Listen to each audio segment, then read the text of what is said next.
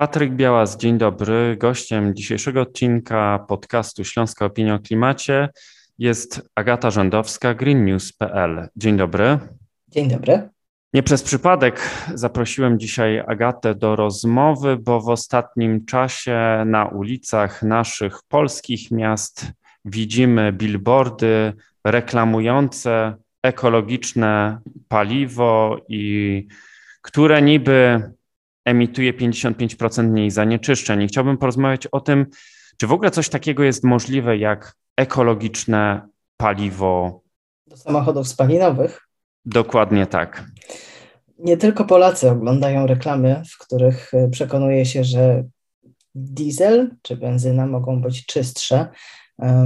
Mam przed sobą, kiedy rozmawiamy, dzięki temu, że żyjemy w czasach jak najbardziej cyfrowych i możemy posiłkować się obrazami z całego świata. Mam przed sobą e, zdjęcie ze stacji benzynowej z e, Wysp Brytyjskich, gdzie jest napisane tak: Power Plus, Diesel, Certified Carbon Neutral Driving. Czyli nie tylko u nas proponuje się paliwa, które mają spowodować, że będziemy czuć się lepiej, bo przede wszystkim wydaje mi się, że to jest e, po to robione. Wcale nie z myślą, e, albo nie przede wszystkim z myślą o środowisku, tylko o pokazaniu firmy z takiej zielonej strony. Mm, często będziemy mieć w najbliższym czasie do czynienia z greenwashingiem i z taką próbą zazielenienia się, wizerunkowego zazielenienia się firm. Oczywiście będą też takie, które będą naprawdę robić mnóstwo rzeczy, żeby zneutralizować swój świat, ślad węglowy, żeby dążyć do tego, żeby emisje były ograniczane, ale to chyba jeszcze nie jest ten moment i nie dotyczy wszystkich firm. No właśnie to jest też taki ciekawy moment, bo obecnie w Polsce obserwujemy dużą kampanię dezinformacyjną dotyczącą e, polskich elektrowni i opłat E, za ETS, e za, za Europejską Politykę Klimatyczno-Energetyczną. No i pojawia się w mojej głowie takie pytanie, czy tutaj nie mamy do czynienia z pewną podobną, analogiczną sytuacją, w tym przypadku akurat dotyczącą sektora paliw. Na świecie wpływ firm, które zajmują się wydobyciem i przetwarzaniem ropy i gazu, firm związanych z tym obszarem na szeroko, rozumiany, szeroko rozumianą motoryzację jest ogromny. E, nie tak dawno temu też na Wyspach e, ujawniono taki mm, szwindel, taką e, próbę zmanipulowania opinii publicznej. Tam to się nazywało, nazwano to Aston Gates i polegało na tym, że duże firmy zamówiły opracowanie, z którego wynikało, że jazda samochodem elektrycznym wcale nie jest taka ekologiczna i żeby to miało wszystko ręce i nogi, trzeba nim przejechać mnóstwo tysięcy kilometrów. No i to jest wątpliwe, czy ta zmiana jest nam potrzebna. Okazało się, że właśnie jak, jak zaczęły organizacje dociekać, skąd to badanie, skąd te dane, jak się w ogóle te dane dostały do opracowania, e, no to okazało się, że stoją za tym duże koncerny, między innymi Bosch i między innymi Aston Martin. Smaczek taki dodatkowy w całej tej historii z Wielkiej Brytanii był taki, że firma, która PR-owa, która zajęła się promowaniem tego raportu, łamiącego raportu, który pokazywał całą prawdę, tam były powiązania rodzinne, więc y, dodatkowo taki wątek etyczny był poruszany. No i rozebrano ten raport na części pierwsze i wykazano, że wcale tak nie jest. Natomiast mleko się rozlało i ten raport nawet w Polsce do dzisiaj jest cytowany, a ostatnio trafiłam mm, dan na dane właśnie z, z tego opracowania. Nie możemy się teraz zobaczyć, bo to jest podcast, a nie wideokast, więc ja pokazuję, że to jest w cudzysłów wzięte. Mm, u jednego z największych CEO czyli y, osoby zarządzającej jednego z największych producentów samochodów na świecie. No i co w takiej sytuacji robić? Co takie osoby, które nie mają głębokiej wiedzy, nie są specjalistami, specjalistkami w danej dziedzinie, no, czasem dają się nabrać. To co robić, żeby właśnie nie dać się nabrać na te informacje o tym, że ekologiczne paliwo spalinowe jest możliwe, że stosując takie, tankując takie paliwo do baku swojego samochodu, obniżamy smog i poprawiamy jakość powietrza. Musimy tutaj też powiedzieć jasno, że poprawa pewnych parametrów w zarówno silnikach, jak i w samych paliwach jest jeszcze możliwa. To kosztuje. Nie jest to y, może proces łatwy, chociaż jest dostępny. Ja od razu zaznaczam, nie jestem chemiczką, nie zajmuję się na co dzień tematami związanymi z paliwami tradycyjnymi, natomiast te osoby, które pytałam, które w tej branży są długo i obserwują zmiany, mówią, że no, to jest możliwe. No i teraz moje pytanie, i w zasadzie pytanie, które powinni zadawać jak najczęściej klienci, konsumenci.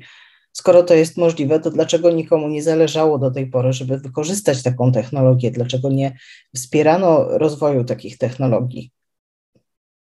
No bo mamy znowu pewną analogiczną sytuację do tego, co na rynku paliw stałych nazywa się ekogroszkiem i y, też cieszę się z tego powodu i mam nadzieję, że Polacy również cieszą się e, z tego, że są organizacje, które zaczynają kwestionować ten przedrostek e, eko przed paliwem stałym.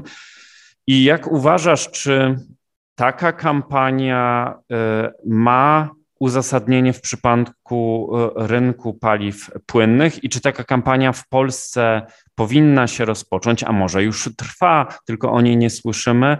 I czy w innych krajach, rozmawialiśmy tutaj o, o Wyspach Brytyjskich, ale czy w innych krajach takie kampanie odbywają się i czy to jest pewna taka norma, e, do której się musimy przyzwyczaić, że takie kampanie producentów i kampanie tych, którzy ujawniają e, nieprawdziwe informacje podawane właśnie przez, e, przez sponsorowane kampanie billboardowe i, i, i nie tylko.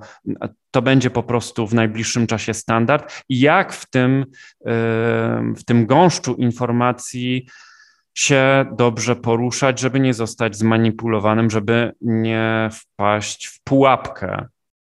Rzeczywiście na całym świecie mm, ten trend, przykro o tym mówić, no ale trend e, związany z pokazywanym, pokazywaniem w zielonym, w zielonym obiektywie e, samochodów wykorzystujących paliwa tradycyjne jest e, od dość dawna. Polska no nie była do tej pory poważnym, dużym rynkiem dla samochodów elektrycznych. Nadal to jest margines, to jest y, niewielka, w zasadzie jeśli chodzi o, pomyślimy sobie o perspektywie walki ze smogiem, to ta liczba, którą mamy w tej chwili samochodów elektrycznych, czy połączonych nawet y, z hybrydami plug-in jest niezauważalna, to nie ma dużego znaczenia.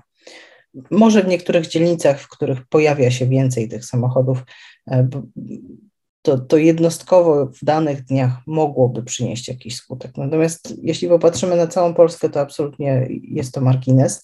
Mm, no i na świecie te kampanie pojawiały się e, w różnej intensywności od e, dłuższego czasu. Hmm. Chyba musimy się cofnąć do momentu, kiedy ujawniono Dieselgate, czyli 2014 rok. Wtedy producenci promowali swoje samochody jako te najczystsze, właśnie z silnikami diesla. Najnowsze, najnowsze generacje, najnowsze technologie, najwięcej możliwości ograniczenia emisji. Okazało się, że tak wcale nie jest, że celowo manipulowano przy oprogramowaniu, które nie pozwalało we właściwy sposób odczytywać realnych emisji w trakcie użytkowania pojazdów. Okazało się też, że firmy posuwały się do naprawdę okrutnych praktyk do tego, żeby sprawdzić, e, jak bardzo będą zagrażać ludziom. I przypomnę, tutaj mm, wykorzystano żywe małpki, które zagazowano tak naprawdę. Mm, teraz firmy umywają ręce, nikt nie chce ponosić odpowiedzialności, procesy ciągną się latami, a urzędnicy i organizacje pozarządowe wyciągnęły wnioski. I teraz nie, nie chcą stwarzać takich możliwości, żeby po raz kolejny mogło dojść do pewnych nadużyć. No a firmy chcą zarabiać i rozmawiałam całkiem niedawno, z, na jesieni zeszłego roku, z Rogerem Atkinsem. To jest y, popularyzator elektromobilności, zaangażowany e, dziennikarz od ponad 10 lat, y, współpracujący z największymi producentami. Taka prawdziwa osobowość y, w tym świecie motoryzacyjnym, elektrycznym.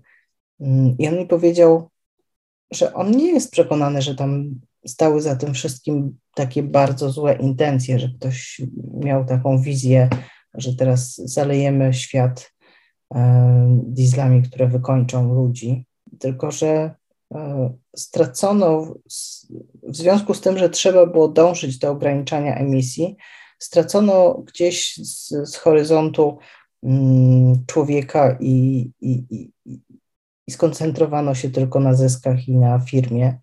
To nie jest dobre, wiemy o tym. No i miejmy, miejmy nadzieję, że się nie powtórzy. E, a w, jak się nie dać nabrać? To jest bardzo trudne pytanie i ta kampania żarówkowa, która w tej chwili przetacza się przez Polskę, mam nadzieję, że wiele osób e, uwrażliwi i wyedukuje na tyle, że będą chciały dociekać, będą chciały sprawdzać, będą chciały docierać do danych i nawet jeżeli nie wszystkie składniki w tych danych będą rozumieć, to będą starały się znaleźć kogoś takiego, kto im to wytłumaczy. Tutaj jest też ogromna rola mm, mediów, które powinny dawać rzetelne dane. Nie zawsze muszą te dane być e, przyjemne do czytania, bo tak jest na przykład e, z danymi dotyczącymi ofiar smogu, zanieczyszczonego powietrza. Od kilku lat te dane są obecne w mediach i to jest zasługa organizacji pozarządowych. Media nie zajęłyby się tym tematem, gdyby nie ludzie, którym zależało na tym, żeby reszta poznała prawdę. Właśnie przy okazji też tej kampanii billboardowej e, też mam taką nadzieję e, o tych ekopaliwach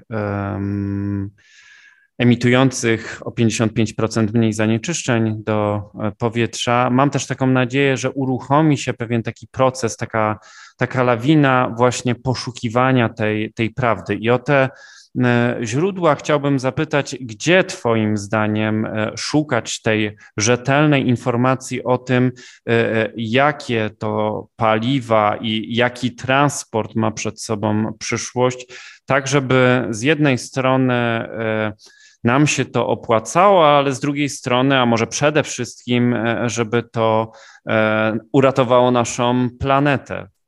Bardzo dużo publikacji, e, bardzo wieloma publikacjami wspiera się Komisja Europejska i na stronach Komisji Europejskiej można dotrzeć do dobrych danych. W Polsce ja bym celowała w Polską Akademię Nauk, która ma swój newsletter i takie najbardziej Mm, chodliwe tematy komentuje i daje do tego wkład, jeśli chodzi o dane, e, są przede wszystkim w, dużych miastach um, uczelnie. I tam są osoby, które pracują z tymi danymi, pracują w, w takim środowisku, z którego mogo, można y, czerpać y, informacje. Um, są opracowania, na przykład raporty IPCC, które nie są w całości może jasne, proste i zrozumiałe, ale no, wracając do Polskiej Akademii Nauk, y, Polska Akademia Nauk przygotowała taką ściągawkę, y, taki, takie streszczenie, co jest jakie są najważniejsze elementy tej, tej części raportu opublikowanej w zeszłym roku. Za chwilę ukaże się kolejna część tego raportu i znowu pojawią się tłumaczenia specjalistów. To, to będą osoby, które na co dzień zajmują się tymi kwestiami, które poświęcą swój czas po to, żeby przetłumaczyć obszerne fragmenty i pokazać ludziom te dane, które właśnie mogą w jakiś sposób zbudować im taki pełniejszy obraz tego, co się dzieje na świecie. Bo jeżeli nie będziemy patrzeć szeroko na temat motoryzacji czy transportu jako takiego, E, to będziemy dochodzić do wielu absurdów, w których e, wciąż będą toczyć się dyskusje na temat tego, czy samochód elektryczny, czy autobus elektryczny jest nam potrzebny, czy to jest droga zabawka. Wciąż takie głosy się spotyka, mm, bo powinniśmy się tutaj oderwać od samego CO2 i emisji gazów cieplarnianych, ale spojrzeć na problem e, hałasu, tego, że w ogóle mamy słaby ten transport publiczny, przestarzały. I to jest dobry moment do tego, żeby przekonać ludzi, że on może być elastyczny, nowoczesny, e, zeroemisyjny, cichy, przystosowany dla kobiet, dla mężczyzn, dla dzieci, e, dla uczniów, dla osób starszych, e, dla osób, które mają jakieś problemy z tym, żeby się swobodnie poruszać i pokazywać różne aspekty, no bo jeżeli będziemy wydobywać w dalszym ciągu paliwa kopalne, tak jak robimy to w tej chwili, to musimy się liczyć z tym, że prędzej czy później znowu będziemy mieć, tylko może nie w Zatoce Meksykańskiej, ale w innym miejscu na świecie, e, właśnie taką, te, te, taką będzie miała miejsce kolejna katastrofa mm, u wybrzeży. Mamy mnóstwo rurociągów, które transportują ropę w różnych miejscach świata które trzeba serwisować. Mało się o tym mówi. Część z nich po prostu nadaje się albo za chwilę będzie się nadawała do zamknięcia, bo zaczyna przeciekać. Wiemy coraz więcej o tym, że transportowanie paliw stałych e, wiąże się z tym, że co jakiś czas gdzieś się instalacja rozszczelnia, dochodzi do wycieków, wydostaje się też metan. O metanie mówimy coraz więcej, jak bardzo jest szkodliwy dla klimatu, więc tych aspektów związanych e, z transformacją w motoryzacji czy w transporcie no, jest bardzo dużo. Bardzo dziękuję za tę dzisiejszą rozmowę. Mam nadzieję, że nie jest to nasza ostatnia rozmowa. Ja też korzystając e, z okazji zachęcam do tego, żeby śledzić e, stronę internetową www.greennews.pl, bo tam bardzo wiele ciekawych e, informacji na temat tej transformacji w motoryzacji, w transporcie. A moim gościem dzisiaj była Agata Rzędowska, redaktorka portalu greennews.pl. Dziękuję bardzo. Bardzo dziękuję. Do usłyszenia. Do usłyszenia.